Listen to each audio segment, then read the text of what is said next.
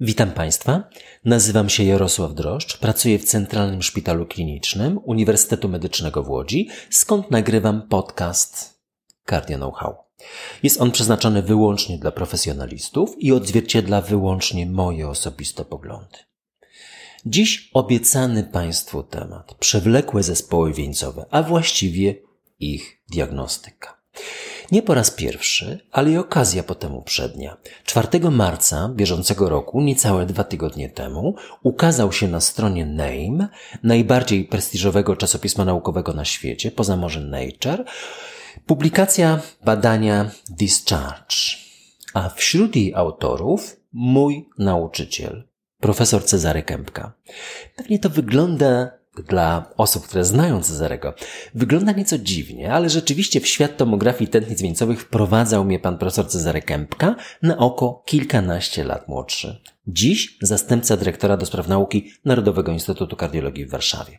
Cezary zgodził się szkolić nasz zespół kardiologów interwencyjnych, którzy część ze swojego czasu dedykowali na nie na kolejną koronarografię, ale na tomografię serca z wykorzystaniem kontrastu i protokołu badania, które umożliwiało przy korzystaniu z technik subtrakcji wizualną ocenę tętnic wieńcowych.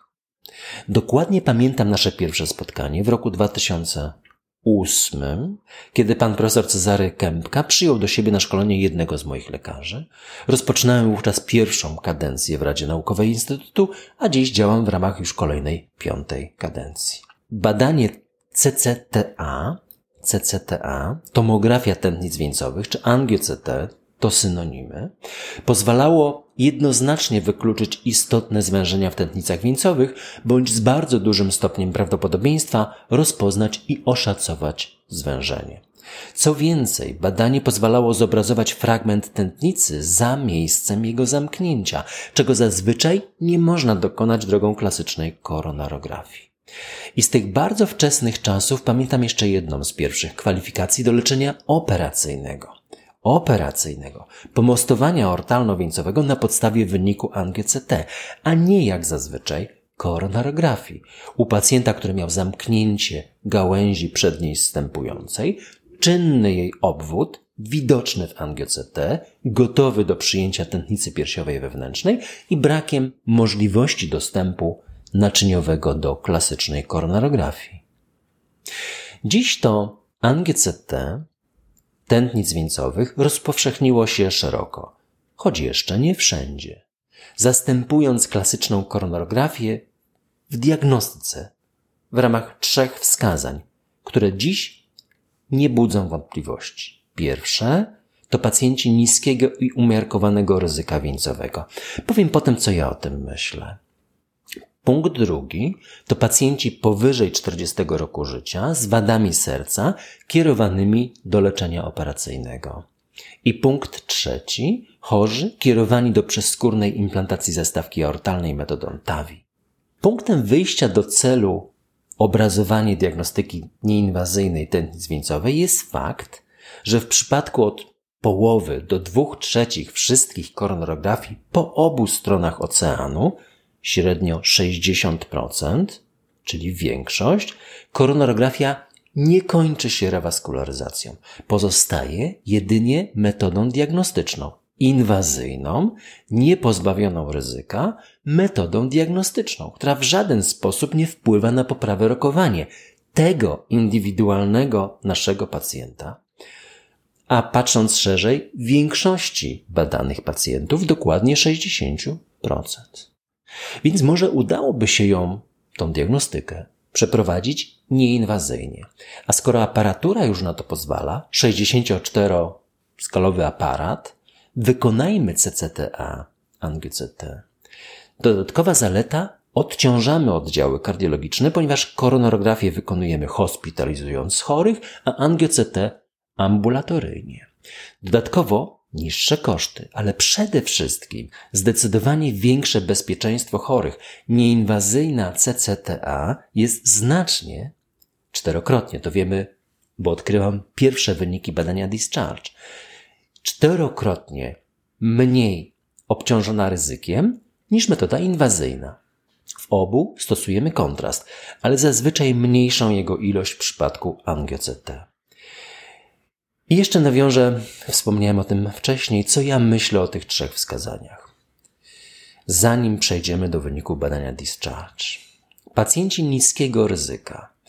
Tu praktycznie u większości w praktyce mojej klinicznej ograniczam się do konsekwentnego wdrożenia wszystkich zasad prewencji, a uciekam się do ANGCT bądź nawet częściej scintygrafii wyłącznie wtedy, kiedy obraz kliniczny jest naprawdę niepokojący. Pacjenci umiarkowanego ryzyka, tu ostatnia coraz częściej wygrywa u mnie scintygrafia mięśnia sercowego, bo choć jedną z tych technik wykonuje ANGCT bądź scintygrafia. Scintygrafia co to jest? Ilościowa ocena objętości mięśnia trwale pozbawionego perfuzji, tak zwane utrwalone zmiany oraz ilościowa ocena objętości mięśnia strefy z indukowanym niedokrwieniem. Niedokrwienie indukowane wysiłkiem lub lekiem powodującym podkradanie krwi do innych obszarów. To dla mnie dziś najlepsza ocena przewlekłych zespołów wieńcowych. I trzecia grupa niewymieniana w klasycznych wskazaniach, to chorzy wysokiego ryzyka. To jest wprawdzie kontrowersyjne, ale osobiście kieruję ich na angiocytę, licząc na wykluczenie krytycznych zwężeń w proksymalnych odcinkach, przede wszystkim w pniu lewej tętnicy wieńcowej lub scintygraficznie wykazuje brak niedokrwienia, licząc na wskazanie lokalizacji największego niedokrwienia, bądź jego brak. Obie te metody mają wskazanie wówczas, gdy podejrzewam wielonaczyniową chorobę wieńcową, ale ryzyko wszystkich zabiegów uznaję jako wysokie albo bardzo wysokie. Także przy obecności innych schorzeń, np. związanych z wysokim ryzykiem krwawień. Migotanie przedsionków, które wcale już nie jest przeciwwskazaniem do angio-CT, tym bardziej nie do scintygrafii. Warunek? Obraz kliniczny przewlekłego zespołu wieńcowego. W obrębie wszystkich trzech podgrup tego punktu. Druga kwestia. Wiek 40 lat i wada serca do operacji. Na przykład niedomykalność mitralna. Zdecydowanie polecam tu angioCT i nie napotykam już oporu kardiochirurga. I punkt trzeci. Pacjenci do TAVI. Otóż dopracowaliśmy w Centralnym Szpitalu Klinicznym taką metodę obrazowania zarówno tętnic wieńcowych, jak i całego zakresu aorty razem z tętnicami biodrowymi z jednego podania kontrastu. Z jednego podania kontrastu.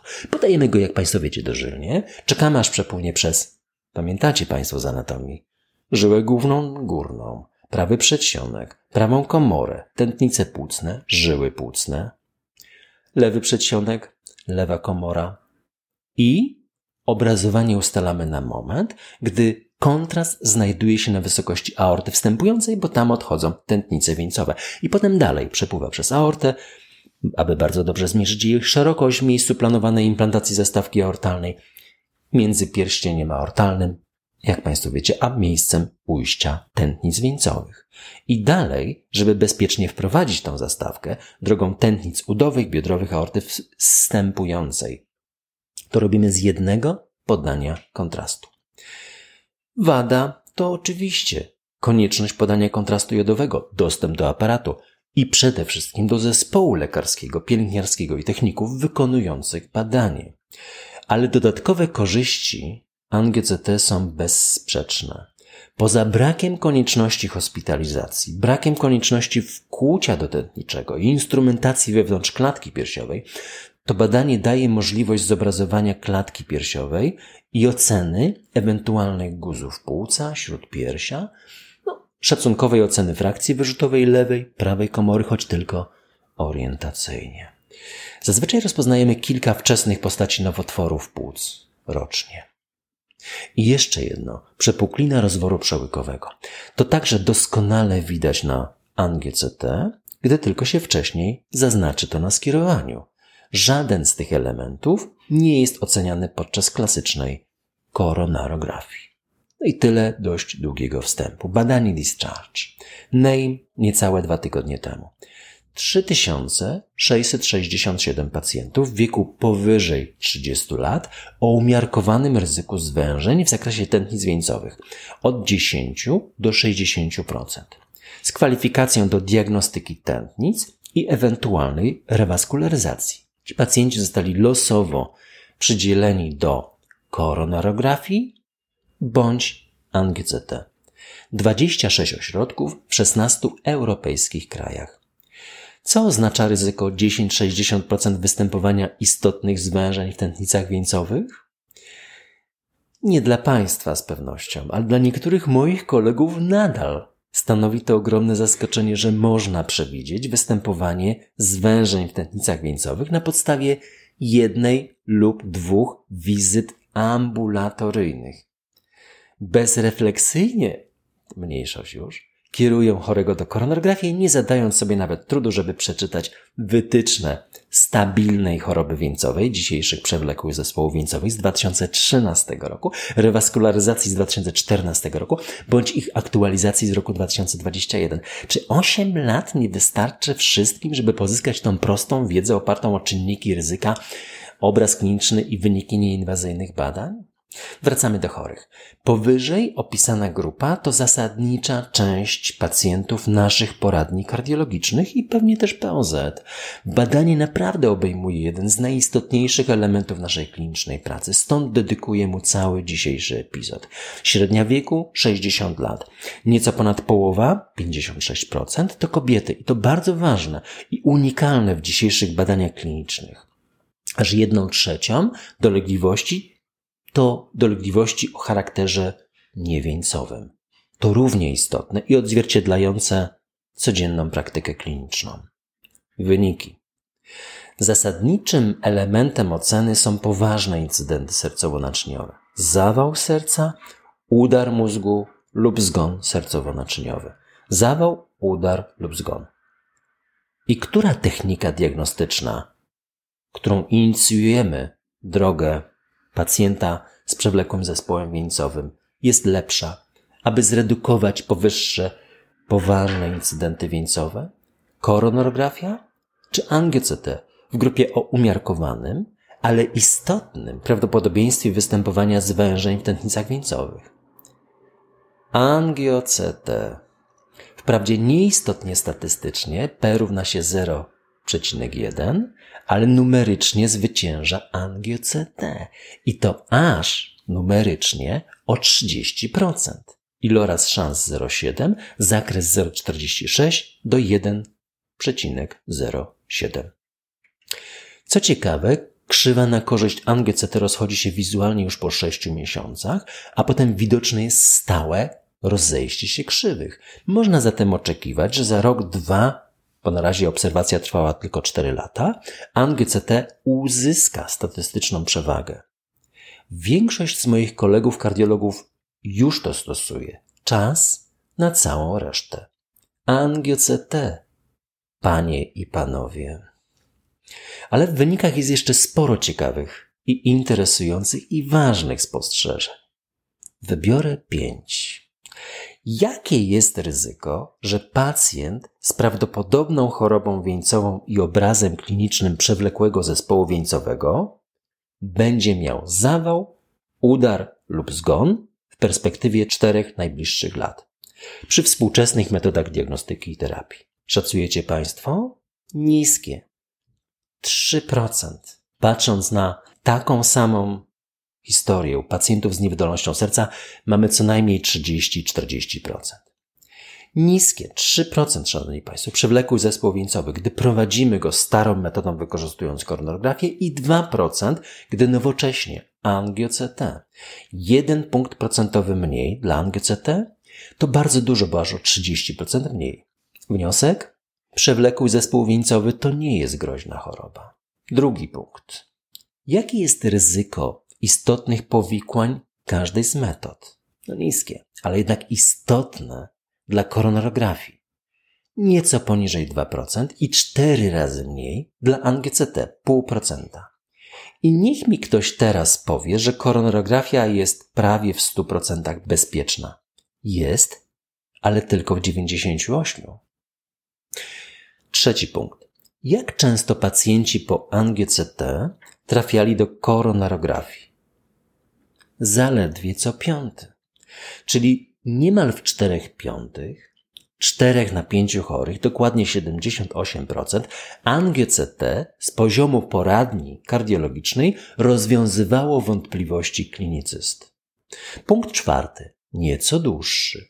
Jak często chorzy z tej grupy trafiali do rewaskularyzacji? Przewlekły zespół wieńcowy, umiarkowane ryzyko.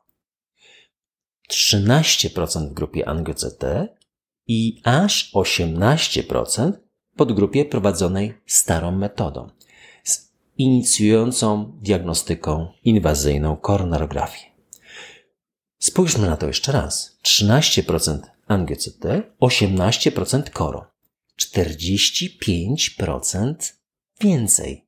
Częściej pacjenci w grupie inwazyjnej trafiali do rewaskularyzacji, a odległe wyniki są gorsze. Oczywiście rewaskularyzacja to w 4 piątych metody przezskórne. Zatrzymajmy się tu na chwilę. Dlaczego mamy aż o 45% rewaskularyzacji więcej, całe 5 punktów procentowych w tej podgrupie, co nie tylko nie przekłada się na redukcję groźnych powikłań odległych, groźnych powikłań odległych, zawał, zgon, udar, ale nieistotnie wprawdzie, ale wyraźnie ją zwiększa i to aż o 30%. Widzę tu dwa powody. Ktoś, kto trzyma w ręku młotek, to zazwyczaj co widzi wokół siebie? Gwoździe. Zwężenie i bum, stent. Jak to ma się w przewlekłych zespołach wieńcowych, to wiemy z badania ischemia. Nijak. Ale w zasadzie te wyniki pokazują już pacjenta nieco dalej w swojej historii. Ischemia skupiała się na koncepcji bez koronarografii, a tu już po ocenie tętnic wieńcowych. Większy odsetek rewaskularyzacji przekłada się na nieistotne wprawdzie, ale gorsze rokowanie. I to nawet jeżeli nie uwzględnimy zwiększonego ryzyka krwawień wynikającego z podwójnej terapii przeciwpłytkowej. Nie było to potrójnej terapii. Chorzy z migotaniem przeciągów nie byli włączani do badania discharge. I ostatni punkt piąty. Gdy oceniamy pacjentów klinicznie na końcu okresu obserwacji, dolegliwości stonokardialne występują niemal identycznie często. 7,5% w grupie koronarografii versus 8,5% w angioCT. Ledwo o 17% więcej, co zdecydowanie nie jest istotne statystycznie przy 45% częstszej rewaskularyzacji. Warto na to zwrócić uwagę. Autorzy podsumowują ze zrozumiałych naukowych względów delikatnie. Strategia angioCT nie jest istotnie różna od strategii koronografii w aspekcie liczby groźnych powikłań. Zawał, udar lub zgon sercowo-naczyniowych. Za to charakteryzuje się mniejszym ryzykiem powikłań i niższą częstością rewaskularyzacji. Eksperci komentując to badanie jednak słusznie zauważają klarowną kliniczną wskazówkę.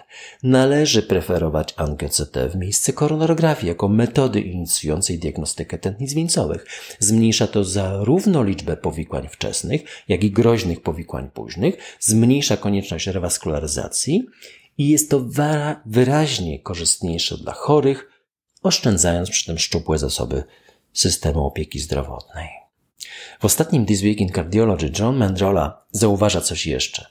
Żaden amerykański płatnik, to taki NFZ, nie sfinansowałby koronarografii u chorego z przewlekłym zespołem wieńcowym, słuchajcie Państwo uważnie, który nie ma przeprowadzonego badania wysiłkowego lub ilościowej oceny niedokrwienia.